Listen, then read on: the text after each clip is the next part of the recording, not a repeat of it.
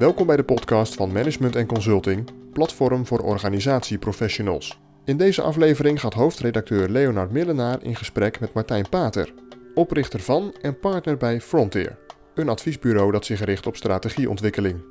Ze spreken onder meer over de transitie van offline naar online tijdens de coronacrisis, de methode van co-creatie, het behalen van een B Corp certificaat en de ervaringen van het werken met Holocracy als organisatiemodel.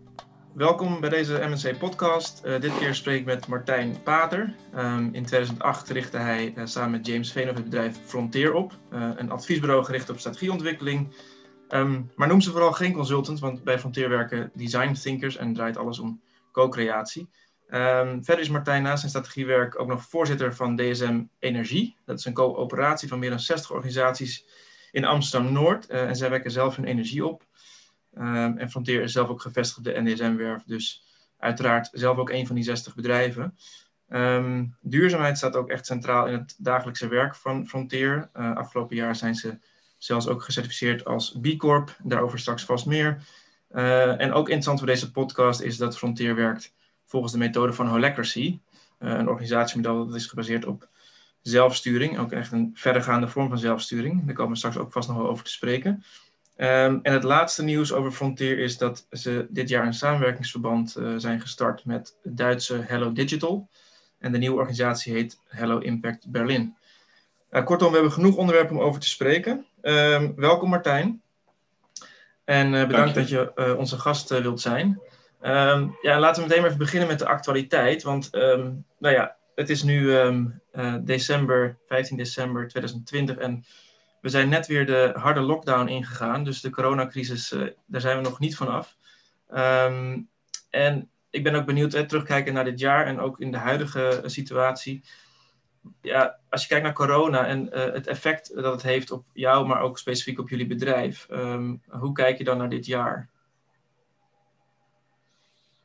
Ja, ik kijk eigenlijk met twee brillen. Ik zie het begin van het jaar toen corona losbarstte, uh, zag ik vooral heel veel vertwijfeling, heel veel onrust, heel veel onzekerheid. Uh, ook bij ons team, maar ook bij onze klanten. Ook bij onze manier van werken. Dus het was echt even, even schrikken, zoals voor iedereen. Mm-hmm. Maar eigenlijk heeft het team toen vrij snel opgepakt uh, ja, wat er nodig was. En heeft onze hele toolset, eh, onze co-creatie, onze strategie toolset, omgezet naar online. Dus eigenlijk dezelfde methodiek, dezelfde energie, dezelfde flow maar dan uh, geheel online. En uh, dat heeft wel geresulteerd in een uh, ja, heel bruisend tweede halfjaar. Mm. Dus we hebben het eigenlijk, we zitten nu in een hele goede flow en alles is online. Ja, dus jullie hebben eigenlijk vrij snel, want je ziet natuurlijk wel verschillen bij bedrijven. Sommigen proberen toch nog, of denken, joh, dit, ik wacht even tot het over is en dan gaan we weer verder hoe we eigenlijk bezig waren. Of je kunt, maar jullie hebben eigenlijk vrij snel hoor ik, want je hebt over het eerste half jaar, tweede half jaar, vrij snel echt de hele business als het ware ja, online, uh, online omgezet en uh, volledig anders gaan werken. Ja, we hebben zelfs projecten gehad die halverwege moesten worden geswitcht van offline naar online. Mm-hmm. Ene week de offline sessie, tweede week de online sessie. Alles al gepland was voor de offline. Ja. En de feedback van de klant was dat het eigenlijk precies hetzelfde heeft opgeleverd. Dezelfde energie, dezelfde inhoud, dezelfde ja, helderheid. En dat uh, heeft ons wel heel veel vertrouwen gegeven.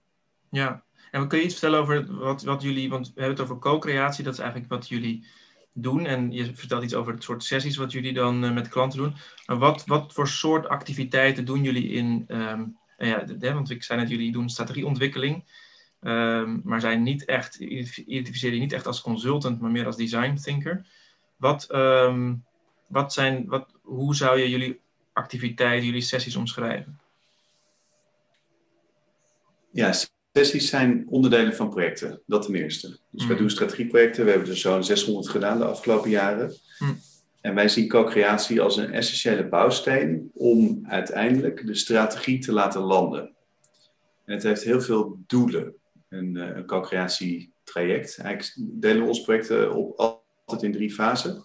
De eerste fase heet frame. Dan gaan we snappen wat er aan de hand is. Dat is heel vaak met de klant uh, hypotheses opstellen, eigenlijk het echte strategiewerk. Maar ook uh, willen we dan vaak inspirerende sprekers van buiten hebben die ons even op een hele andere gedachte kunnen, kunnen brengen. Dus dan zou je kunnen zeggen dat is al iets van co-creatie, maar niet echt, meer echt inspiratie.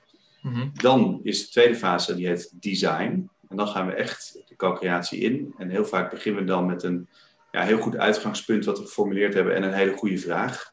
Waar je met experts antwoorden op gaat eh, vinden. En meestal heb je dan drie tot vijf co-creatiesessies. Mhm. ga je met elkaar concepten ontwikkelen in die designfase. En die kan je dan ook nog valideren. Dus dat zou nog een, een tweede stap kunnen zijn in die designfase. En uiteindelijk is de derde fase, die noemen we pas strategie. Want dan moet je keuzes maken. Dan moet je kiezen. Dan moet je bij wijze van spreken het Horizons model van McKinsey pakken. Mhm. Eh, dan ga je een roadmap maken, portfolio beslissingen. Eh, en dan, eh, dan worden de harde keuzes gemaakt. En dat noemen wij so what. Dus in de so Mhm. what sessie komt eigenlijk alles bij elkaar. En, en, en worden de bouwstenen die we ontwikkeld hebben in co-creatie, worden dan toegepast. Mhm. Wat is essentieel om te snappen voor mensen die nog niet aan co-creatie gedaan hebben met klanten van onze klanten of experts die meedoen. Het is eigenlijk altijd dezelfde soort sessie. Je moet Mhm. denken 12 mensen. Meestal vier van de klant en acht van buiten. Dat is een soort heilig getal. Want dat is, dat is precies de juiste hoeveelheid perspectieven, maar ook niet te veel. Ja. En die mensen die zorgen ervoor, A, dat je goede nieuwe ideeën vindt. B, dat je ook een spiegel voorhoudt voor onze klanten en de uitdaging. Mhm. C, dat je heel veel zelfvertrouwen opbouwt bij onze klant. Van hé, hey, wat we doen is bijvoorbeeld goed. Of hey, we moeten meer die kant op. Mhm. En D, dat er hele nieuwe relaties ontstaan eigenlijk. Al tussen de mensen in zo'n sessie, waaronder onze klant. Dus Ja. het is ook veel meer een, een, een, ja, ik zou bijna zeggen, een soort creatieve interventie. Mhm. Die, en ook een safe space. Want heel vaak hebben onze klanten met hun klanten natuurlijk een contractuele relatie bijvoorbeeld. Mhm. Maar dit is het moment dat we even zeggen, oké, dat zetten we even buiten, buiten boord. Mhm. We mogen nu scheppen. Maar je noemt een safe... Eh. Dat... Oh, sorry, ga verder. Ja, ga nee, ga door. Nou, je noemt safe space, dat vind ik wel interessant, want je zegt net vier van binnen, eh, acht van buiten. Ehm, je, je geeft natuurlijk daarmee best wel een inkijkje in je, nou ja, je overwegingen, maar ook je, je, misschien je vraagstuk en je probleem als organisatie. Eh, en die acht mensen, ik ben, niet, ik ben heel benieuwd hoe jullie dat, die selecteren en waar die vandaan komen. En ja, dat, dat, hoe je dat inderdaad dus een safe space maakt. Want dat zijn toch eh, mensen van buiten die toch wel heel erg dan ehm, veel zien eigenlijk van jouw bedrijf. Misschien denk ik nu heel ouderwets, waarschijnlijk. Maar vertel hoe, dat, hoe jullie daarnaar kijken. Nou, ik kom ook uit de ouderwetse consultinghoek. Dus ik Ja, ben nooit begonnen met. Bain. Dus ik, Ja. ja. dus ik snap ook wel hoe het oude werk werkt en werkte. Maar inderdaad, je hebt gelijk. Dus het is een, ehm, een veel meer open houding. En je moet veel meer met de billen bloot. En dat zorgt ervoor misschien dat je je reputatie als partij die alles weet eh, wat minder wordt. Maar ik denk dat de reputatie als partij die open staat en samen wil werken en snelheid wil maken, juist weer dat ten goede eh, komt. En wat we eigenlijk doen is hele goede mensen in die sessie halen die je heel goed van, ehm, van repliek kunnen dienen en met je mee kunnen denken. En die worden, en dat is essentieel om te snappen, die worden gevonden door onze connectors. Dus we hebben strategen in dienst. Dat zijn de, beetje de, ja, de consultants, zou je kunnen zeggen.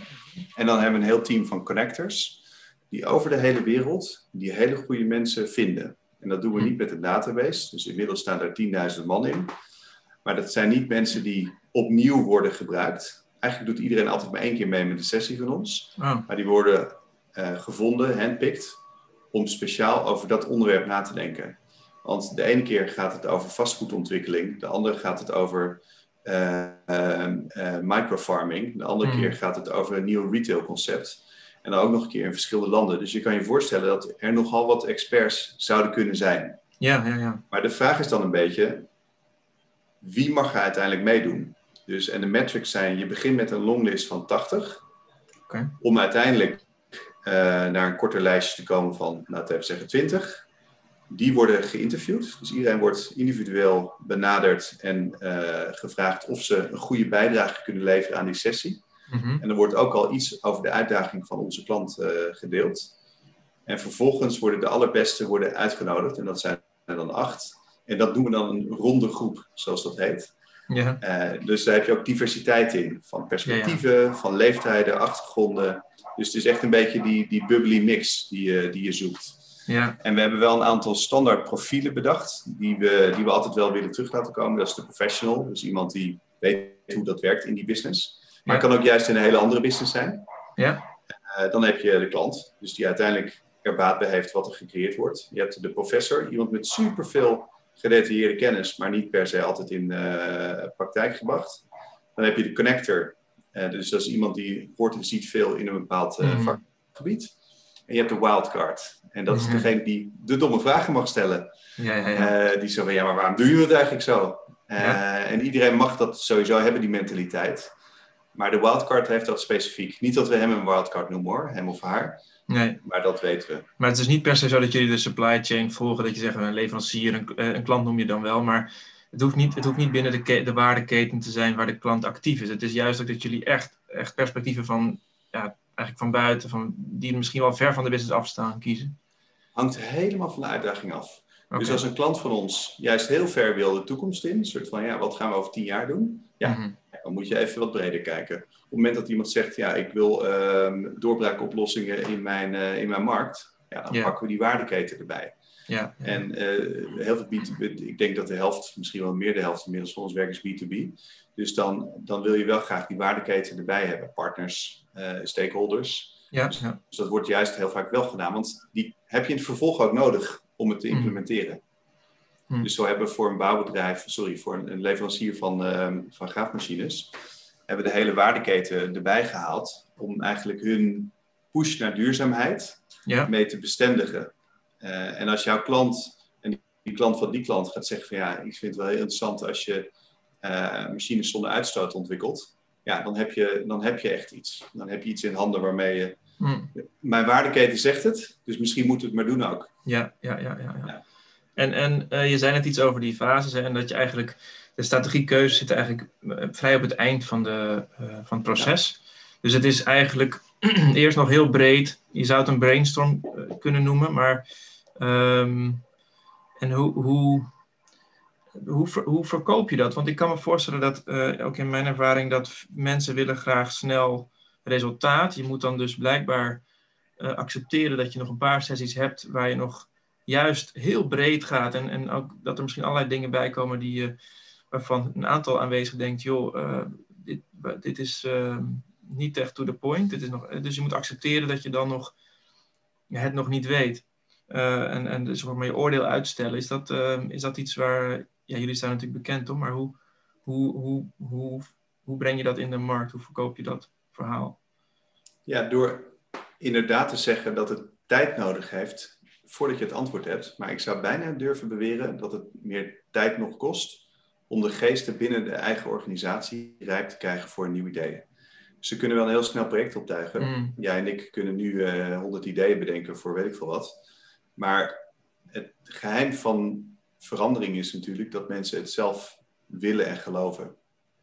Dus je hebt een periode nodig van drie tot zes maanden om die gedachten te laten kantelen en het zelfvertrouwen op te bouwen van ja, inderdaad, dit is de richting waar we op moeten en die keuze moeten we maken en durven we maken. Hmm. En inmiddels kan ik wel zeggen dat het dus wat we kunnen verkopen is uiteindelijk ook een transformatie, is een verandering door middel van nieuwe innovaties, een nieuwe strategie, een nieuwe heldere visie. Ja. En steeds meer ook zeggen wij van daarna helpen we je ook met de implementatie. Ja, ja, ja.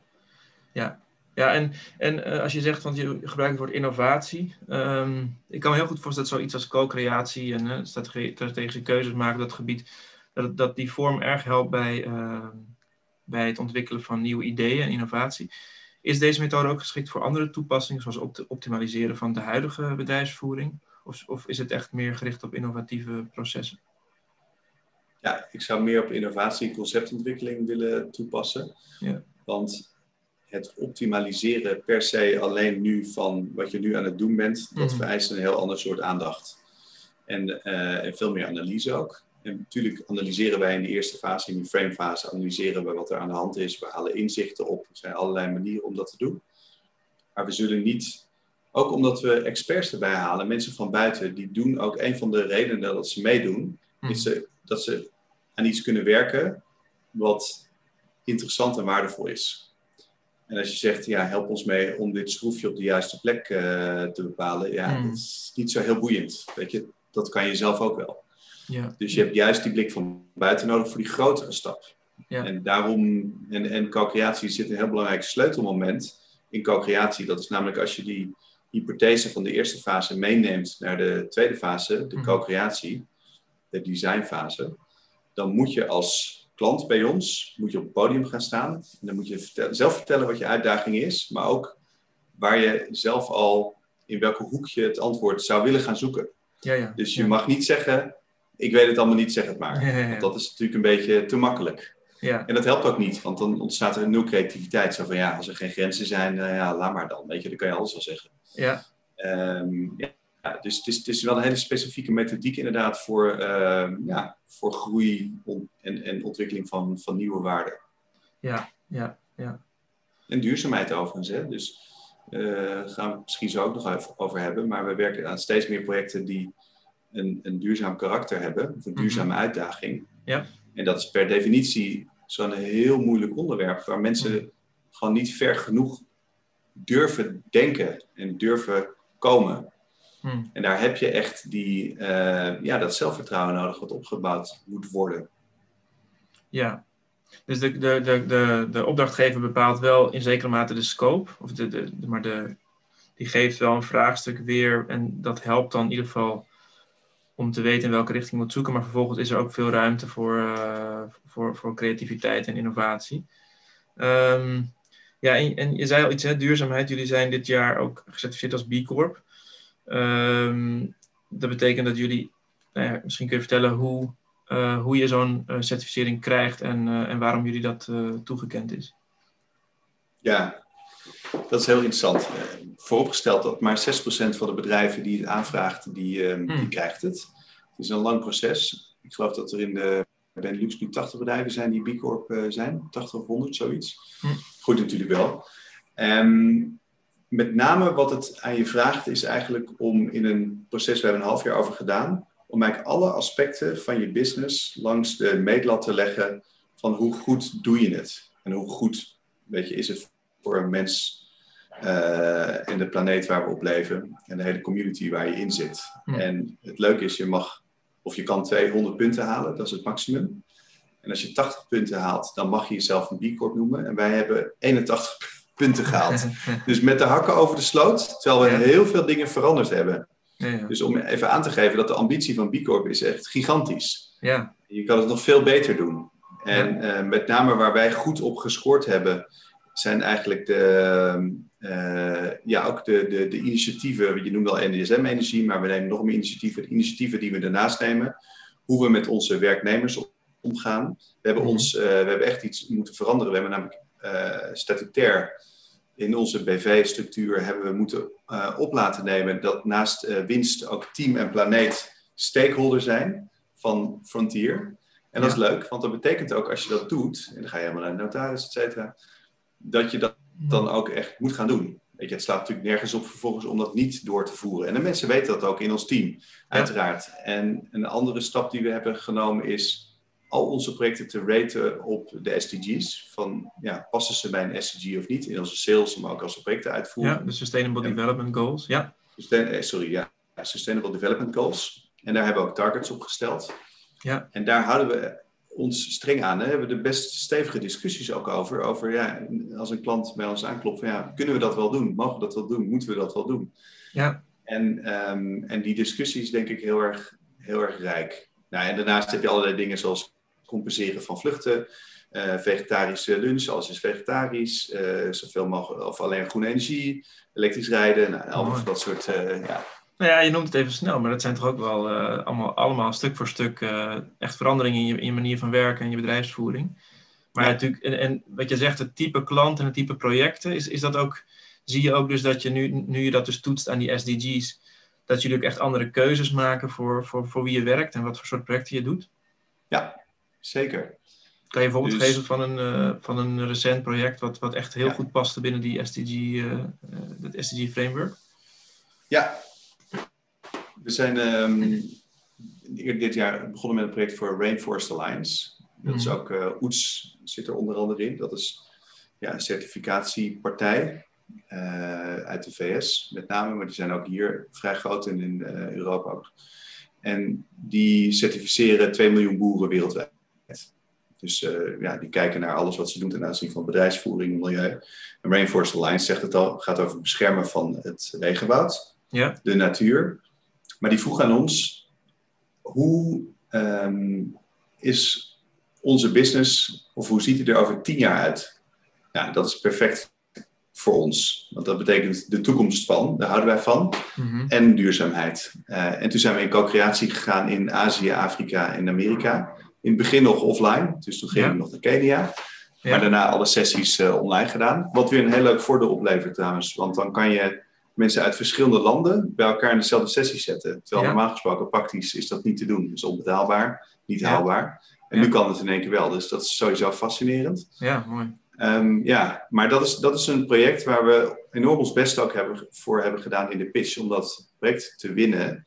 Maar het feit dat we een B Corp zijn en dat soort projecten op de voorgrond zetten. En onze mensen die verhalen vertellen, zorgt er ook voor dat zo'n klant denkt: hé, hey, wacht eens even, dit is misschien een partij waarbij het klikt. Mm Want dat is natuurlijk belangrijk, want zo'n partij, het is eigenlijk een NGO, die kijkt in feite, um, ja, zijn ze, zijn ze wel ja, betrouwbaar als het aankomt op serieuze uh, issues? Ja. En dat is, uh, dat is denk ik wel, uh, dat begint steeds meer een rol te spelen, merken wij in, um, in pitches. Ja, en kun je iets zeggen, misschien is het uh, confidentieel, maar kun je iets zeggen over wat jullie hebben gedaan en wat jullie hebben bereikt in dat project tot op heden? Ja, nou, ik kan wel een tipje van de sluier oplichten, zonder het weg te geven inderdaad, want dat lijkt me wel behoorlijk confidentieel.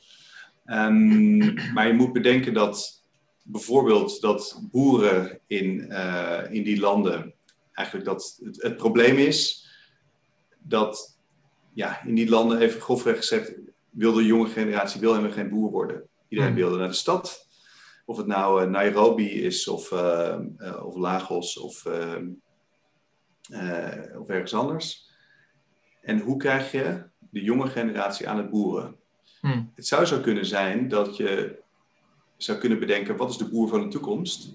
En hoe maken met alle technologie die je kan bedenken, en alle impact, positieve impact. Die, en hoe kunnen we die generatie eigenlijk aan het boeren krijgen?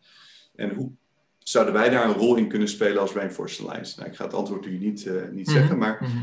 dus die kant op. Dus je, gaat eigenlijk, je, je, verschuift je rol van puur het geven van een stempeltje naar ja. Uh, ja, meer impact kunnen maken met en voor die boeren. Ja. Dat is één richting. En een andere richting is dat het inzicht ja, als je het bos wil beschermen, hoe doe je dat? Ja, dat kan je doen door een soldaat voor een boom te zetten. Hmm.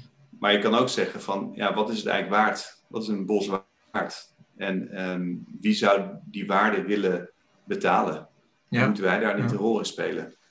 Ja, ja het is dus wel een mooi, ja, mooi voorbeeld van echt. Ik bedoel, als je het hebt over uh, duurzaamheid en uh, zowel zeg maar het, het, het, regenwoud als ook de, de manier waarop we landbouw doen met monocultuur en waarmee ook natuurlijk echt uh, de, de, grond eigenlijk echt wordt verpest en, en te veel pesticiden en dergelijke. Ik kan me voorstellen dat daar heel veel dingen bij elkaar komen, ook al kan je er niet te veel over zeggen, die, die heel mooi passen bij, bij jullie missie en, en, en wat jullie doen. Um, en dan is de rol van co-creatie interessant. Dus we hebben in de eerste co-creatiestap, dus dat project heeft al meerdere fases gekend, hebben we echt gekeken van ja, wat zijn van alle mogelijke dingen die we zouden kunnen doen, welke moeten we kiezen? Dus echt van, van grof naar een aantal mhm. keuzes. Maar vervolgens in die keuzes zijn we nu ook middels co-creatie aan het verdiepen. Want je mhm. moet natuurlijk steeds meer, maar wat is het businessmodel? Mhm. Wat is de waardepropositie? En, tot hoe ver ga je? Dat was ik benieuwd naar. Tot hoe ver, want we hebben gesproken over het begin en, en de strategievorming en de strategische keuzes. Je zei toen iets over, we zijn ook steeds vaker betrokken bij implementatie. Ja. Maar, uh, en misschien dat jullie met uh, de, de nieuwe samenwerkingsverband uh, Hello Impact Berlin ook weer meer mm opschrijven naar executie. Maar ja. um, kan je iets zeggen over tot waar jullie betrokken zijn en, en, en ook of die externe die dan in die co-creatie betrokken zijn, of die ook nog zeg maar langer bij, bij jullie blijven of dat die op een gegeven moment ook weer af, afzwaaien? Ja, de, de externe, om die even eerst te tackelen, dat zou heel goed kunnen. Dat zouden partners kunnen worden in dat, eh, in dat project. Laat ik even grofweg zeggen dat 10% van de mensen daar blijft een relatie mee. Mm. Zoiets. Maar het is niet per se, het hoeft niet. Het hangt, hangt helemaal van die klik weer af. Ehm, wij hebben inmiddels ook designers in dienst. Dus we helpen met het, met het concepten van, en het maken van prototypes. Uh, die je kan gebruiken voor het, uh, van het doen, bijvoorbeeld met, middels de Lean Startup methode van een, van de eerste validatie. Van werkt dit in de markt? Een proof of concept. Ja. ja. Um, en inmiddels hebben wij ook, um, leveren we mensen die helpen met het implementeren, begeleiden van de daadwerkelijke pilot. Of de living lab, hoe je het wil noemen. Hm. Dus we komen steeds meer, want ja, onze klanten zeggen ook, ja, uh, we hebben zelf de capaciteit niet of de kennis niet. Of ja, we zitten niet zo goed in het thema als jullie. Help ons maar dan om te laten zien dat het daadwerkelijk heel veel waarde heeft. Mm -hmm. Dus um, ja, we hebben inmiddels, dat is best nieuw voor ons, dus die designers zijn best nieuw, maar ook de implementatie mm. uh, is ook best nieuw. Maar dat is eigenlijk, ja, vinden we ook wel een logisch vervolg. Ja. En dat is leuk voor onze mensen, want dan kunnen ze nog meer impact maken. Ja, ja en dan, dan zie je ook zelf de eventuele eerste resultaten van je ideeën. En je, je noemt uh, Living Lab Pilot, dus dat, dat kan me voorstellen dat je dan dus een eigenlijk heel kleinschalig nog je ideeën uh, eerst dus test. Ja. Uh, ik neem aan dat het uiteindelijk het doel is dat, dat het dan uh, ja, organisatiebreed wordt geïmplementeerd. Precies. Dat Daar zijn jullie dan. En, en dat, dat, dat is een stap die de organisatie dan zelf of met anderen eigenlijk vaak neemt. Precies, dan komen er grote budgetten en dan, uh, als het goed is, gaat een afdeling worden opgezet en dan, ja. ja, dan wordt, wordt het gedaan. Ja. Ja, En als het idee goed genoeg is, dan zal je ook zien dat je natuurlijk weinig ja, werk meer hoeft te verrichten, want dan wordt het vanzelf wel opgepikt in allerlei uh, ja, geledingen. Ja, ja. En, en um, we hebben het over co-creatie en samenwerking. Is het zo dat jullie zelf ook wel eens dat je zo enthousiast bent over een project en dat je eigenlijk niet alleen um, ja, op adviseur bent, maar dat je ook uh, erin bent gestapt? Ja, dat gebeurt niet zo heel vaak. Ook omdat we al dingen erbij, ja. erbij doen. Dus NDSM-energie uh, ja, NDSM kost al wat tijd. Ja. En de medeoprichter van Frontier, James, die uh, is heel erg druk bezig met duurzame uh, denim. De denim Ja. deal is net, uh, net geaccordeerd, dus bezig met het, ja, het circulair maken van de textielindustrie. Oké, okay, ja. Dus dat, ja, dat is ook al een hele klus op zich. Um, maar wat wel onlangs gebeurd is, ik werk zelf heel veel in mobiliteit. Doe veel projecten in mobiliteit, vind ik zelf erg leuk. Mm -hmm. En een van de onderwerpen die naar voren kwam en dat is een nieuwe partnership weer die we zijn aangaan. Een onderwerp wat naar voren kwam was, ja, hoe kan je, uh, want ja, de toekomst van mobiliteit uiteraard is uh, digitaal en verbonden. Hoe kan je in de steden van de toekomst zorgen dat de ruimte optimaal wordt gebruikt? En nu zijn Hmm. steden vrij dom. Het zijn gewoon, ja, je hebt een parkeerplaats of een laten losplek. Er zit nul Ja. intelligentie. Ja. Wat nu als je dat digitaal gaat organiseren? Dus dat je een parkeerplek, een moment een parkeerplek laat maken ander moment is dat een later loszon. In het weekend is het een terras. Straks als het weer allemaal mag. Ja. En dat digitaal organiseren. Ja, toen een partij naar ons toe kwam met dat idee, Hmm. toen dachten we, ja, dit kunnen we wel weer gaan adviseren. Maar we kunnen het ook gewoon gaan doen. Hmm. En dat zijn Ja. we dus nu aan het doen. En dat heet Coding the Curbs. En dat is een initiatief wat echt voor onszelf is. Hmm. Dus het is niet helemaal van een klant gekomen, maar het speelde wel in meerdere projecten al, dat idee. Ja. En toen is onze partner Future Mobility Network, die heeft gezegd, hey, zullen we dat samen niet eens oppakken? En, dan daar stap hebben we je nu de daar als- eerste, Als frontier stap je dan voor jij als, Ja. als, uh, als, als individu? ja, als frontier. Ja, ja, ja. Dus als frontier is het van ons nu. En uh, we hebben de eerste gemeenten die nu klant zijn geworden. Hm. En dat is weer heel interessant. Dus nu worden we eigenlijk een soort ja, producteigenaar. ja, ja, dat is ook wel eens leuk. Dat is ook wel eens leuk. Dus dat, ja, en ja, ja, als je ondernemer bent, dan ja, hoef je niet per se te houden aan allerlei grenzen.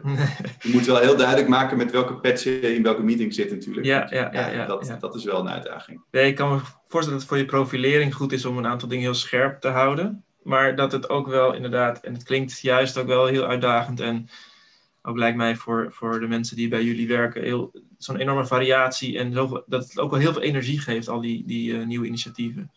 Ja. Het woord snoepwinkel valt best wel vaak bij ons. Ja, ja, ja. Gecombineerd met soms iets te werkdruk. Daar Ja. ben ik ook eerlijk in. ja. Dus dat is het nadeel. Ja, als je zo ambitieus bent en zoveel ideeën hebt, dan, uh, ja, Ja. dan zul je ook hard moeten werken. Ja. Um, je zei net nog iets waar ik nog even op terugkomen over dat jullie in dat uh, Rainforest project ook um, uh, met verschillende mensen uit verschillende landen eigenlijk tegelijk online een sessie konden hebben. Dat het eigenlijk een groot voordeel is van het, de online vorm van co-creatie. Um, maar kan je nog iets zeggen over de uh, ja, voor- en nadelen? want aan het begin van het gesprek zei je van nou, wij hebben het eigenlijk in het begin van, van 2020 vrij snel onze business omgezet naar online. Um, wat zijn de voor- en nadelen van, van het online werken bij jullie? Ja, daar heb ik nog over nagedacht. En die vind ik best moeilijk, omdat ik het. Ik ken alleen nog maar ja, vroeger en, en nu. Maar ik weet niet meer straks ken ik nog niet. Nee, dus ik weet niet hoe. nee, precies. Iedereen is wel benieuwd. Wat ik kan bedenken is dat als je puur even ehm, inhoud en proces, als je dat aan één kant hebt en aan de andere kant, laten we zeggen, mensen en verandering, mhm. dan denk ik dat je heel prima af kan met een heel groot deel online als het gaat om het ontwikkelen van inhoud en het volgen van een proces. Het is eigenlijk best efficiënt. Je hoeft niet te reizen. Je kan met elkaar de dingen bespreken die je wilt bespreken. Dus je komt een heel eind. Wat last van tijdzones, maar... Uh, wat zeg je? Af en toe wat last van verschillende tijdzones waarschijnlijk bij uh, internationale sessies, maar ook vaak wel. Ja, maar dat, dat, zijn, dat details, toch? Ja, ja, Weet je, dat, daar kunnen we helemaal als moderne mensen kunnen we daar heel makkelijk omheen, uh, omheen werken. Ja. Wat je wel mist dan, denk ik, is een beetje die, die soort van dat kippenvel moment en die, hmm. die diepte van de menselijke interactie van, van, van, de, van de offline ervaring, de rijke offline ervaring. Ik heb wel eens geleerd van iemand die zei dat eigenlijk de bandbreedte van een, van een fysieke ontmoeting is factor 100 versus een online ontmoeting. Dus omdat er zoveel subtiele dingen zijn die je. Die je oppakt. Ehm, dus ik, ik denk dat je, misschien moet je wel een soort, gaan we toe naar een wereld waarbij online de standaard is en uh, offline de, de kerst op de taart. Of de, ja, dus online is het gewone, het gewone brood. En af en toe smeer je daar eens iets heel lekkers op. Of maak je een heel bijzonder broodje. Ja, en dat, is dus beetje... ja, en dat is specifiek nodig, zeg jij, bij, bij, want je maakt onderscheid tussen inhoud en proces. Ja. Wat grotendeels wel online te doen is, maar mens en verandering, dat je af en toe dus wel een sessie nodig hebt om daar op die, dat gebied nog wel iets te doen met elkaar, bij elkaar. Ja, ja dat denk ik wel. Dat denk ik wel. Alhoewel we nu zien in alle trajecten die we doen, dat het eigenlijk niet nodig is. Dus ik kan ook zeggen, ja, maar even, de mens is natuurlijk niet gemaakt om alleen maar online uh, naar zo'n scherm te kijken. Dus je, je, mensen willen ook, niet alleen mijn mensen, maar ook gewoon iedereen. Iedereen wil uiteindelijk toch ook met elkaar zijn. Ja. Dus het is ook een beetje menselijke behoefte die je uh, ja, niet zou moeten willen stoppen. Ja, maar het zou mooi zijn als het een soort 80-20 wordt. Hè? Dus ja. wat je zegt, uh, dat de dingen die online kunnen, de voorbereidende dingen, de, eigenlijk toch ook wel heel veel van de sessies de inhoud ophalen, dat het allemaal online kan. En dat past natuurlijk ook heel mooi in die duurzaamheidsgedachte. Uh, Zeker als je internationaal werkt. Uh, hoeveel mensen niet door de week in het buitenland zitten en elk weekend weer terug naar Nederland vliegen. Um, maar um, ja, dus, dus wat dat betreft, en daar ben ik ook wel benieuwd, maar je zei al dat het ook lastig te voorspellen is. Um, maar wat, als je het nu zou moeten zeggen, wat denk je dat, dat jullie gaan behouden van, van dit online, de online manier van werken als straks alles weer mag? Of gaan we allemaal toch weer gewoon uh, stappen weer in het vliegtuig en doen we alles weer hoe het was? No way. No way. Nee, nee, nee, nee. Uh, nee, dat gaat zeker niet meer gebeuren. Dus ik denk wel dat dat met driekwart verdwijnt. Dat soort uh, ja, onzinreisjes. Dat zou fantastisch zijn, ja. ja. Het zou fantastisch zijn. Wat, wat wel gaat blijven, wat wel echt voor ons zelfs als design thinkers, je zei het al, mhm. wat voor ons een eye-opener was, was het werken met die online whiteboards. Mm. En dat is voor ons de backbone. Nou, ten eerste natuurlijk van elke strategische sessie, want er gebeurt alles uh, op met post-its en zo. We zijn natuurlijk helemaal gek op post-its. Ja. En dan uh, wordt alles online gedaan en dat, dat werkt al goed. Maar inmiddels zijn we zo doorgeëvolueerd in het gebruiken van die tool dat we kunnen geen meeting meer hebben zonder die online whiteboards. Hmm. Dus we maken ook veel minder keynotes of powerpoints, ja, ja, maar direct in die online whiteboards. En die kan je direct weer exporteren als PDF. En we hebben nu zelf, zelfs eventjes een paar weken geleden, toen nog mag, mocht af en toe, hadden we wel weer zo'n live meeting. Ja. Maar toen zaten we bij elkaar, op afstand, ja. in het online whiteboard. Ja, ja, ja. Ja, af en Dus toe kun je even over je scherm heen kijken naar de ander, maar verder toch zit je, nou, je toch uiteindelijk nog veel naar je scherm te kijken. Het werkt, het werkt gewoon zoveel sneller. Ja, De, want, want de- iedereen de- kan ook, even voor, voor bij zo'n online whiteboard, daar kan, kunnen alle deelnemers kunnen ook meetekenen als het ware. Eh, Ja, dat is geweldig. Ja, wij gebruiken dan, we hebben alle tools eh, uitgeprobeerd natuurlijk. ja Wij wat zijn degenen? Mi- Miro. Miro. Eh, Hm. ja, Miro, dat is wel voor ons de tool met afstand. Hm. En elke keer in die co-creatiesessie moet natuurlijk iedereen weer eventjes, want het zijn allemaal nieuwe mensen heel vaak, die moeten weer eventjes heel kort zorgen dat ze live komen. Dus voor ons is het essentieel dat iedereen het kan gebruiken. Dus Ja. het moet echt idiot-proof zijn. Ja. En dat is het. Dus meestal hebben we nog eventjes één of twee mensen die we separaat aan de telefoon nog even moeten helpen. Ja. Maar eh, goed. En, ehm, en iedereen gaat dan lekker aan, de gang met zijn eigen post-itjes, met zijn eigen dingetjes. En dat is ook de, het geheim, uiteindelijk de basis van co-creatie is, ik heb het zelf bedacht, dus het is waarschijnlijk best een goed idee. Ja, Ja, en dat online is dat hetzelfde. Dat is mijn post-it. Dus het zal best een goed idee zijn. Ik vertel erover. Ik zit in een groepje. Ik heb daar een concept ontwikkeld, et cetera, Ja. et cetera. Ja, dus al die geheimen van co-creatie, die blijven eh, intact dankzij dat whiteboard. ja mooi. Ja, want dat is natuurlijk hè, bekend bij veranderingen, ook de acceptatie van veranderingen, dat als mensen zelf hebben bijgedragen aan het, hè, in het proces om tot het- het idee te komen, dat ze het ook ehm, ja, vaker zullen accepteren of ook eerder fan zijn van, van, van het idee. En dat kan je eigenlijk juist mooi ondersteunen met deze tool. Oké, dus je zegt eigenlijk het is, eh, je noemde efficiënter. Je kan meer mensen bij elkaar krijgen eigenlijk eh, in een sessie die je normaal niet bij elkaar zou kunnen krijgen. Je kunt ook ehm, eigenlijk mensen misschien dus wel meer laten participeren door, door zo'n zo- zo'n zo'n tool als Miro. Ehm, ja, en nadelen? Je noemde al wel wat, denk ik hoor. Maar Ja, het is af en toe een beetje vermoeiend. Dus voor, Mm. voor deelnemers natuurlijk. En nou, het is niet zozeer een nadeel als een hele grote watch-out. Het is iets heel anders dan een offline sessie. De offline sessie ben je fysiek bij elkaar. En als er iets misgaat, ja, er kan niet zo heel veel misgaan. Maar goed, als er iets misgaat, dan eh, bespreek je dat met elkaar en dan vang je dat op. ja. Maar natuurlijk online ben je afhankelijk van internetverbindingen. En van laptops die het wel of niet doen. Ja, ja, ja. Ehm, en van andere gekke dingen. Dus we hebben veel meer facilitators nodig online. ja. Dus we hebben in plaats van dat een sessie gerund wordt door twee mensen standaard, moeten er standaard minstens drie in zitten, of vier soms. Zo. Om, ja. ja, want ehm, anders, anders krijg je het niet goed gefaciliteerd. ja, ja, ja. Er zit ook een ander soort voorbereiding in. Dus online moet alles worden klaargezet. De hele journey. Nou, dat, natuurlijk hebben we dat wel eh, redelijk voor elkaar. Ehm, maar de, de, de, ja, de, de voorbereiding en vooral ook de, de- ja, het, het, eh, risk mitigation, dus tijdens de sessie, Hmm. is van essentieel belang. Want als je al die moeite hebt gedaan om al die mensen bij elkaar te krijgen, ja, dan, eh, en de klant is erbij natuurlijk, ja, en dan in één keer valt de facilitator valt stil.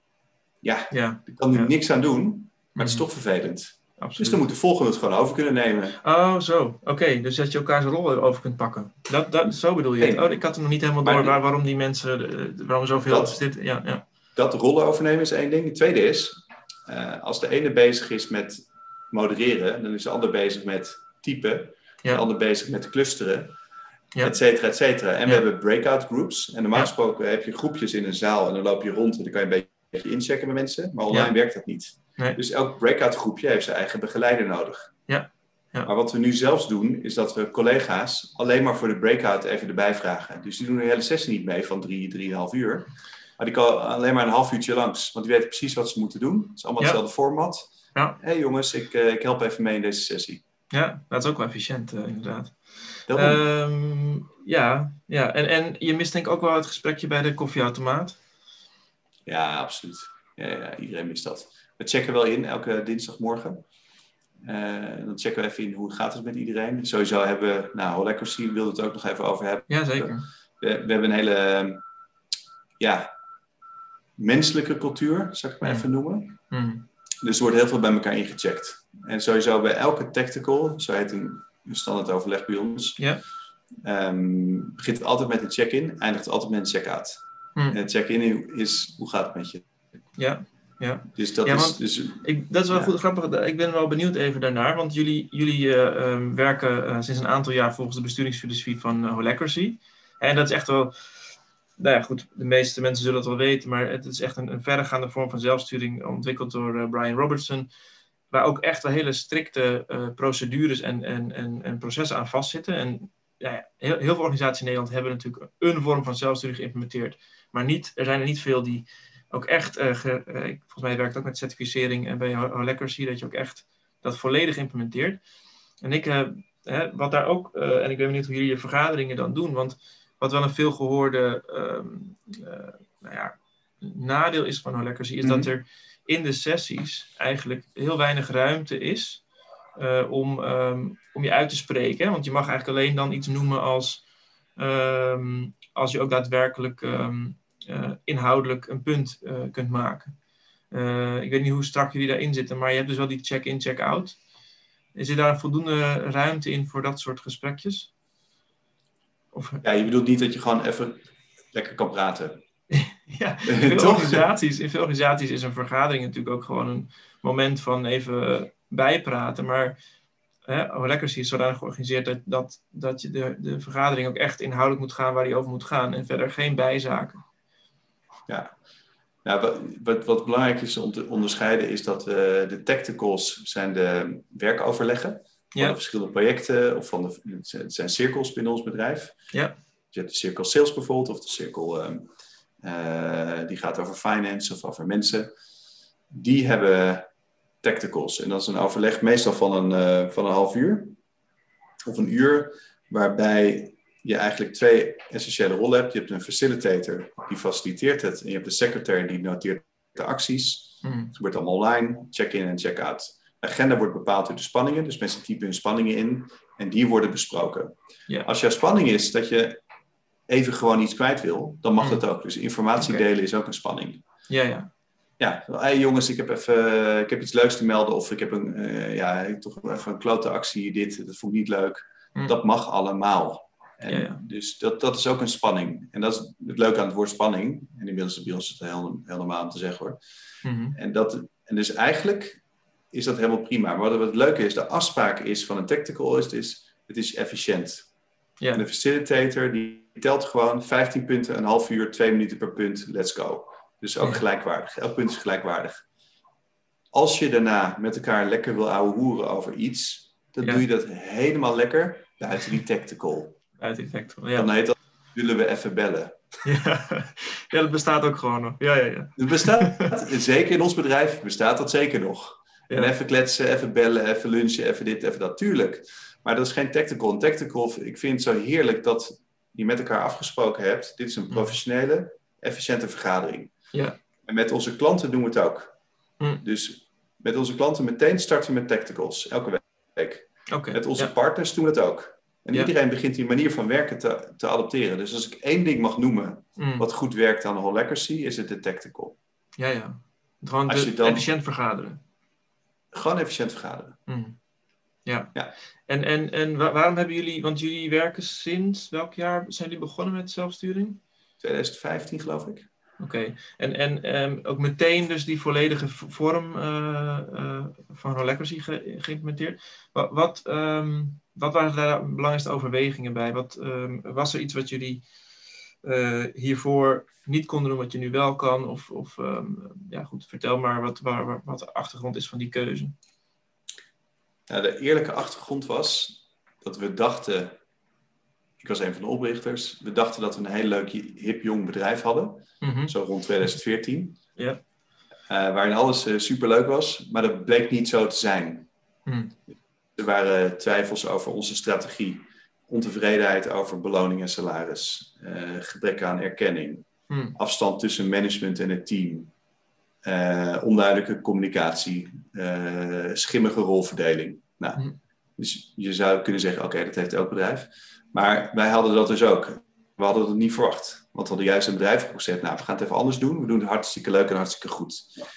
En het leuke is, toen zijn we eigenlijk een reis ingegaan uh, op advies van een, uh, van een coach. En wij als drie partners hebben toen gezegd, jongens, we gaan dit, deze reis uh, starten. En we beginnen met een, um, ja, een, een, een, village meeting, waarbij de, er is maar één regel, de rule of two feet. Als je een onderwerp interessant vindt, loop je naartoe. Als je het niet meer boeiend vindt, loop je ervan weg. En het grappige is, dat is eigenlijk de essentie van holacracy. Dus als je iets mee wil, dan doe je het wel. Als je er niks mee wil, Ja. dan doe je het niet. Dus ook even een voorbeeldje binnen Frontier. Vroeger was het zo, voor holacracy, als we een project verkocht hadden, gingen we het project staffen. Jij gaat erop werken, jij gaat erop werken. Ja, ja. Nu is het, nu moet je een project aanbieden aan een team. En mensen die erop willen werken, mogen zich inschrijven. Ja, ja, maar het kan dus dat niemand zich inschrijft. Heel anders. Maar ja, als je Maar even, ja, ja, ja, dat is heel anders. fundamenteel, heel anders. Fundamenteel verschil. En wat ook altijd wordt gedaan, hè? Dus geen, dus geen grap dit. Ehm, maar toen die finish meeting eh, hadden gedaan, toen ontstonden er topics die we moesten uitwerken. En het, het thema was Frontier 2.0. Hoe gaan we ons bedrijf verbeteren? Er ontstonden een aantal onderwerpen. Heel natuurlijk, heel organisch uit het team. Mhm. En verschillende teams, missieteams, die gingen bepaalde onderdelen ehm, eh, optuigen. We hebben zelfreflectie gedaan, pijnpunten benoemd, dat heet Museum van Oudseer. Allemaal ge- geregeld door, door ons team. Eh, maar ook, en dat was het ene laatste onderdeel, hebben we gekeken bij andere bedrijven. Dus we hebben onze, onze eigen tool, die heet Parallel Perspectives, Ja. leren van anderen, hebben we op onszelf toegepast. Toen zijn we naar drie organisaties gegaan die zelfsturing hadden. Mhm. In drie, op drie verschillende manieren. We zijn naar Patagonia geweest, die heel Ja. erg purpose-driven werkt. Ja. We zijn naar eh Vals Plat geweest, die Holacracy had geïmplementeerd. Ja. En we zijn naar Factory geweest, die zelfsturing zelf bedacht had. Ja, ja, ja. Nou, we hebben alle drie gekeken in een dag met het hele team. Van ja, wat, en wat kunnen we hiervan leren? Nou, super inzichtelijk. En wat wij toen eigenlijk als het toenmalig management bedacht hebben is... Ja, als we dan voor zelfsturing gaan, laten we dan in godsnaam gaan voor een model wat bewezen is en wat werkt. En laten we het niet zelf gaan verzinnen, want anders zijn we alleen maar daarmee bezig. Ja. Terwijl we ook gewoon klanten hebben. Ja, ja, ja. En toen ja. hebben we een te adviseur- intern gericht. Ja. Ja, te intern gericht. Een adviseur in de arm genomen. En dat was echt een hele goede zet. En die heeft ons eigenlijk in drie maanden eh, omgezet van normaal naar Holacracy. Snel. En eh, ja, in drie maanden deed het al zelf. Dus die kon gewoon eh, weer weg. Wauw. En af en toe checkt hij nog eventjes in. Ja. Het, het geheim is de, ehm, is de discipline waarmee we het gedaan hebben. En uiteindelijk was er, was er één iemand, misschien twee, die een beetje eh, zaten, tegenaan zaten te hikken. Maar we hebben met het hele team ook de Constitution ondertekend en gezegd: we gaan ervoor. Ja. Dit experiment gaat lang duren, maar we gaan het wel volhouden. Ja. En we gaan niet lopen bokken. Want iedereen kan wel voor alles verzinnen: ja, maar dit, ja, maar dat. Ja, het zal wel. Ja. Maar laten we het gewoon maar gaan doen, want anders weet je het nooit. En tot op de dag van vandaag werkt het. En ik ben er heel blij mee. En ik zou nooit op een andere manier willen werken. Ja, mooi hoor. Interessant. Ik kan me En niet wat- meer voorstellen. Nee. En wat is, wat is, is er voor jou veranderd als, als oprichter eh, en manager? Ehm, heb je drukker gekregen of minder druk door de in- invoering van Holacracy? Ehm, minder druk, want automatisch in Holacracy zit, eh, zit zelfsturing. Dus dat betekent, de regel heet ook Ferrari. Als je een goed idee hebt, moet je het gewoon gaan doen.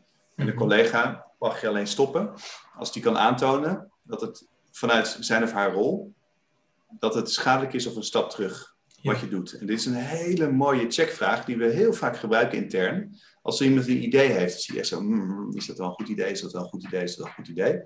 Mhm. Op een gegeven moment stelt iemand altijd de briljante vraag, maar is het schadelijk of een stap terug? Dus Ja. eigenlijk antwoord, altijd antwoord, eh, nee. Ja. Zullen we het maar gewoon gaan doen dan? Ja. Oh, grappig hè, hoe één zo'n vraag dat kan releasen, met een heel mooi Nederlands woord. Ja. En dus heel veel dingen die doen mensen vanuit eigen expertise en verantwoordelijkheidsgevoel. Ja. En voor Holacracy vroeg ik aan het team, wees meer ondernemend, Mhm. licht gefrustreerd. En nu zijn ze veel meer ondernemend en hij heet het Holacracy. Ja. En veel van de dingen die, of veel, veel als ik dit vertel, zijn mensen toch altijd sceptisch. En dat snap ik, dat zou ik ook zijn. En heel, veel gehoorde vraag, ja leuk met zo'n groepje hoogopgeleiden. Hm. Werkt natuurlijk super makkelijk. Maar voor een gewoon team of zo, weet je, zou dat Hm. niet werken. Of een groot bedrijf, hè, die wordt ook vaak, een groot Ja, ja. bedrijf zou het niet werken. Ja. Nou, ik kan je vertellen, de mensen die het het snelst onder de knie hadden bij ons, Mhm. waren de mensen die in principe in het office team zitten. Drie mensen. Die dus alles, alles HR, finance, kantoor, Ja. op. Die hadden het veel sneller in de gaten hoe het werkte. Want die deden al de hele tijd dingen uit zichzelf. Van een simpel Ja, ja. voorbeeld, de lunch bestellen. daar hoeft een managing director zich natuurlijk niet mee te bemoeien. Mhm. Dus je had zoiets, hè, hè, weet je, eindelijk, Ja, laat me met rust. En dan kreeg je ook goede gesprekken. Want als je dan vervolgens er- ergens eh, een vraag over had of een opmerking, zei iemand, vanuit welke rol? Ja, eh, voormalig baas? Nee, niet goed genoeg. telt niet. Nee. nee, dus je neemt eigenlijk heel veel blokkades weg, hoor ik wel. Dus er ontstaat eigenlijk veel ruimte eh, voor mensen hun eigen talenten, hun eigen kracht eigenlijk in te zetten voor de organisatie. Ja, met als hele grote valkuil, en die we hebben niet opgelost, daar ben ik even heel eerlijk in, dat er geen einde is. Hobbyisme. Ja, leuke, ja, of ook bedoel je dan dat er te veel dingen, ehm, te veel leuke dingen zijn om te doen? Te veel leuke dingen. Ook ja, als je zelf mag bepalen wat je gaat doen in een rol, bijvoorbeeld het recruiten van mensen Ja, voor nieuwe strategen, ja, waar stopt dat? Je werk Ja. daarin. Terwijl je moet ook gewoon nog projecten draaien of zo, weet je wel. ja, dus- ja, ja. Terwijl ja, een manager kan veel duidelijk zeggen, dit doe je en dit moet dan af. Oké, met Ja. heel veel nadelen, maar ook heel veel voordelen. ja. En de ja, Holacracy is dan toch wel, eh, dat, is, dat is echt, eh, daar, daar, eh, dat, dat is een blijvende watch-out. Ja, ik vind het wel, wat je net zei, wel echt wel reuze interessant als je het vergelijkt met de reguliere consultancies over het staffen van projecten. Want ik bedoel, ehm, nee, ik heb ook tien jaar in loondienst gewerkt bij eh, adviesbureaus. En het, het is ook gewoon zo. Ja. Ja, degene die het minste, eh, op dat moment het minste werk heeft, of zelfs op de bank zit, als, dat, eh, als het zo is, dan is het gewoon bijna vanzelfsprekend dat die op het project gaat. Degene, de mensen die, natuurlijk kijk je naar wie is het meest geschikt, dat is de eerste. En daarna kijk je wie heeft er tijd. Eh, maar ervan uitgaande dat je heel veel geschikte mensen in dienst hebt, eh, eh, is, is tijd ook vaak een belangrijk issue. Dus ik kan, me ook, ik kan me bijna niet voorstellen, als ik eerlijk ben, dat, je, dat, je, dat, je, dat iemand die, die op dat moment geen project heeft en er, er is een project verkocht, dat die niet naar voren stapt. Maar dat is ook misschien Mhm. eigen verantwoordelijkheid om het wel te doen dan. Maar de- ja, oké. maar dus ik ben, omdat dat is zo een soort van bijna standaard dat de managing partner eigenlijk dan zegt, dan eigenlijk zegt, joh, jij, jij, jullie gaan dat project. Hè, dat dat gewoon geregeld wordt. Eh, Ja. in, in grote adviesbureaus, ja. Ja, precies. Maar wat wel, weet je, grote adviesbureaus, daar kijk ik ook wel naar. Want wij zijn natuurlijk klein, we zijn met 25 man. Wat ik mooi vind aan grote adviesbureaus is de machine die ze hebben opgetuigd. Die natuurlijk heel erg gericht is op optimalisatie en efficiëntie. Mhm. Een hele goede marktbewerking hebben. Heel goed klantmanagement, over het algemeen, hè, van de buitenkant gezien, maar goed. Ehm, heel goed weten welk, welk bedrag ze moeten vragen voor welke dienst. En dus heel erg goed kunnen sturen op de bottom line. Ons model is natuurlijk wat onzekerder. Hm. Ehm, ja, het zit inherent aan het model. Dus om nou te zeggen van ja, dit is het meest ehm, laten we zeggen, winstgevende model op aarde. Nee, dat zou ik niet meteen zeggen. Is het weerbaar? Zou ik zeggen ja. En dat is ook wat waard. Zorgt ervoor dat mensen tevreden zijn? Ja. Zorgt ervoor dat mensen graag bij je willen werken? Heel erg graag. Hm. Dus het is een enorme trekker ook voor, voor mensen. Eh, dus de, ja, qua Ja. employer branding zit dat wel goed. Maar ja, de, ik zou zeggen, de jury is still out. Hm. En ik ben er wel benieuwd ook in de komende tien jaar met alle transities die we moeten gaan doen. Met z'n allen in alle sectoren, in alle landen. Van wat voor soort samenwerkingsmodellen uiteindelijk. Weet je, moet je meer dictatoriaal eh, sustainability door gaan voeren? Ja, boem, boem, ja. boem, dit is je taak. Of wil je juist dat mensen continu initiatief nemen, zelf overtuigd zijn en bepaalde Ja. dingen de hele tijd verbeteren? Nou, daar zeg je me wat als je dictatoriaal zegt. Eh, Kijk, kijk als je kijkt naar. Eh, ja, kan, wie, wie, wie gaat er het, het snelst en het beste sustainability doorvoeren? Wordt dat China met een eh, eh, centrale aanpak en gewoon een 10 jaren planning of 20 jaren planning en gewoon uitvoeren? Of wordt dat een westers, westers land waar ehm, toch veel aan de markt wordt overgelaten en eigen initiatieven zeg maar, de ruimte krijgen? Met natuurlijk wel enige sturing vanuit de overheid met fiscaal beleid en dergelijke. Maar ja, dat is natuurlijk wel, en je hebt het nu over organisaties, maar ook op het niveau van landen, is het natuurlijk interessant te zien, ja, voor welke type vraagstuk is welk type aansturing eh, eigenlijk het meest geschikt. Ja, klopt. Ehm. het leuke is, het is een zoektocht ook. Hè? Dus het, het, het is oké, vind ik. Ik vind sowieso le- leven in een tijd dat je mag, ex- mag experimenteren. Pilots, living labs, proof of concept. we hebben het model van de toekomst nog niet gevonden. Dus, er zijn genoeg modellen die het zouden kunnen zijn, maar we hebben het nog niet met z'n allen omarmd. En er moet ook een reden voor zijn dat het nog niet gelukt is. Dus blijkbaar zijn we nog niet in geslaagd om mensen mee te nemen in een nieuwe manier van werken. Of in een nieuwe, nieuwe manier van leven of van zijn. Dus misschien zijn er wel methoden nodig om iedereen te laten doorleven, doorvoelen. Wat je echt zelf ook moet gaan doen en veranderen. Om te komen tot die, ehm, ja, tot die, tot die duurzame impact. Ja. daarom geloven we heel erg in onze methodiek. Want als je het gevoeld hebt, als je het eenmaal gezegd hebt, uh, ja, dan kan je niet meer verstoppen achter je laptop. Ja, ja, mooi. Ja, en die duurzame impact is ook wel iets wat bij jullie natuurlijk echt, uh, echt centraal staat. Misschien dan nog even een klein brugje als je het toch hebt over impact en duurzame impact. Uh, Hello Impact Berlin, dus jullie nieuwste mhm. initiatief mm eigenlijk, waar jij ook zelf als partner in bent gestapt. Dat gaat ook echt over, hè, het woord impact zit daar ook in. Um, kan je daar iets over zeggen, wat, wat de missie van, dat, van die nieuwe venture is? De missie is het, wat we willen gaan doen, is co-creatie laten landen in de Duitse markt. Mm -hmm. En wat Hello Impact wil, is eigenlijk strategie koppelen aan executie, aan actie. Ja.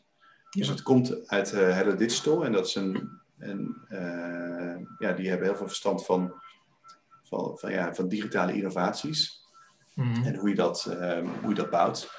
Maar ze werden vaak iets te laat in het proces betrokken. Ze dachten van, hé, hey, hallo, dit had wel iets slimmer bedacht kunnen worden. Ja. En toen kwamen wij met ze in contact en daarom Hello Impact.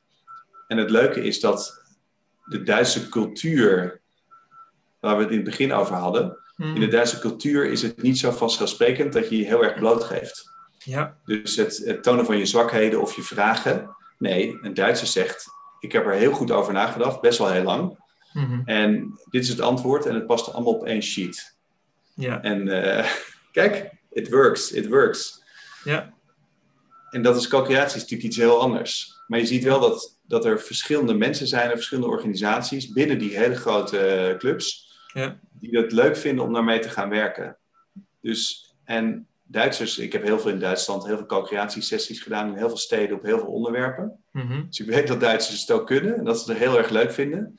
De enige grappige watch-out met Duitsers is, van alle culturen, is dat Duitsers kunnen nog alles soort van, ja, moet je het zeggen, een beetje ongeremd uh, worden. Een beetje grof in de mond ook. Ja, die kunnen best een beetje heftig worden in co-creatie. Ja, ja. Ja, dus ik weet niet wat daar precies in die volksaard uh, zit, maar er, er, komt een soort uh, behoorlijke emotie los. Ja. Dat is, dus je moet ze wel af en toe een beetje, weet je, je moet een beetje de omgangsvorm bespreken met elkaar. Ja. Dus ze kunnen gewoon heel, heel snel, ja, dat is quatsch. Dus dan moet je Ja, ja, oh, nee, zo, zo even, ja, ze zijn wat, wat minder uh, ja, subtiel of zo. Ja, dus, Dus dat moeten willen wij erin meer kanaliseren, ja, ja, die energie. Meer kanaliseren. Ja. Ja. maar wij denken dat de Duitse industrie, dat is natuurlijk een enorm industrieland, Ja, dat we daar heel veel mooie dingen zouden kunnen doen. En duurzaamheid is daar gewoon minder een topic dan hier, Hm. merken we. Uh, maar dat we dat en duurzaamheid en co-creatie, dat we daar wel een sweet spot Mooi. zouden kunnen hebben. ja. want als je kijkt naar het type industrie wat ze hebben en wat zij allemaal produceren, dan, dan zi- zijn er heel veel kansen natuurlijk voor eh, die, innovatie en duurzaamheid. En, en eh, ja, ja. Ja. Mooi. Met mijn mobiliteitsfocus vind ik het natuurlijk ook een hele interessante Ja, markt. zeker. Dus als het gaat om eh, auto's bouwen, dan eh, zit je daar ook goed. Ja, ja. Precies. Ehm, ehm, ja, misschien als laatste nog is ja, want dit, is toch een podcast, een interview met name gericht op de adviesmarkt. Ehm, eh, als jij de, dingen die jullie ervaren als Frontier en die jullie hebben gedaan, wat zou je willen meegeven aan, ehm, aan andere adviseurs eh, en managers? van de dingen die jullie hebben opgestoken in de laatste jaren als toch wat relatief jong en, en eh, energiek bedrijf? En dan denk ik met name even aan de meer de traditionele eh, grote consultancybureaus. Ja. Nou, op basis van wat ik weet, mijn ervaring, ehm, wordt co-creatie simpelweg vaak nog gezien. De eye-opener, die, die wordt gezien in co-creatie, is dat je bijvoorbeeld met je klant samenwerkt. Ik vind dat een beetje te magere interpretatie van wat, wat je zou kunnen doen. En eh, Ja. ja. toen ik eh, bij Bain werkte, werd er helemaal niet met de klant samengewerkt. Dus Hm. oké, fijn. Dus dat is een mooie stap, een nieuwe stap. Hmm, Ehm, maar ik, ik, zou wel, ehm, ik zou wel wat meer echte co-creatie in, in, in, in de hardcore consultancy willen terugzien. Omdat daar vaak ook ja, hele grote beslissingen worden genomen over hele grote dossiers. En ja, bijvoorbeeld wat wij nu doen is, uh, en we zien ook gewoon heel veel van onze, we krijgen ook allemaal nieuwe concurrenten hierdoor, weet je, uh, waarvan ik nooit gedacht had. Vroeger concurreerden we vaak met innovatiebureaus. Ja, ja. Maar nu met uh, McKinsey of Berenschot of Twijnstra. Ze zullen ons ja. vast niet zien als concurrentie, maar we komen ze wel tegen en ook in discussies met klanten en pitches. Ja. En een van de dingen bijvoorbeeld die we nu doen, gaat over het vormen van allianties. Dat is eigenlijk de, de, de, de stap na co-creatie is het opzetten van partnerships. En dat gaat dus veel verder. Dus we zijn nu ook alliantie- of coalitiebegeleider. Dat doen we bijvoorbeeld op het gebied van groen gas. Dan heb je hele, hele grote partijen. Alle ja. grote partijen die je kan verzinnen zitten daarin. En dat begeleiden wij, dat managen wij. En co-creatie is daar een uh, essentieel onderdeel in het ontwikkelproces. Hmm. En je ziet dat daar gewoon daardoor mensen bij elkaar komen en elkaar vinden.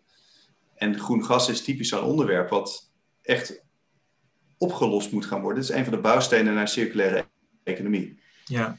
Dus ik zou willen dat op hele belangrijke thema's, dat dit soort manieren van werken veel meer wordt gebruikt hm. om ja, veel beter die stappen te kunnen zetten. En te voorkomen dat het niet weer het zoveelste advies is, of het zoveelste ivoren toren, of de zoveelste analyse, aanbeveling, zonder dat mensen daadwerkelijk intrinsiek gemotiveerd tot actie overgaan. Mooi. Ja.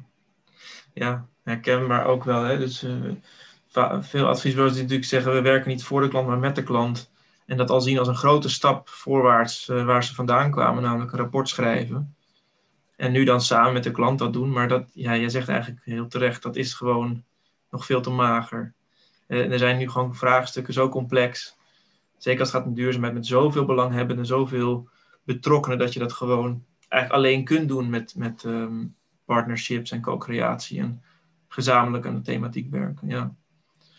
Ja. Mooi. Ik denk dat, um, ja, ik vind het erg leuk om te zien dat, dat, eh, dat type bedrijf zoals dat van jullie Frontier, dat dat met zoveel energie en zoveel gedrevenheid werkt aan, uh, ja, aan de vraagstukken die gewoon ja, zo cruciaal zijn voor de volgende generatie, met name ook voor ons nog maar ja, om onze planeet ook uh, uh, leefbaar te houden.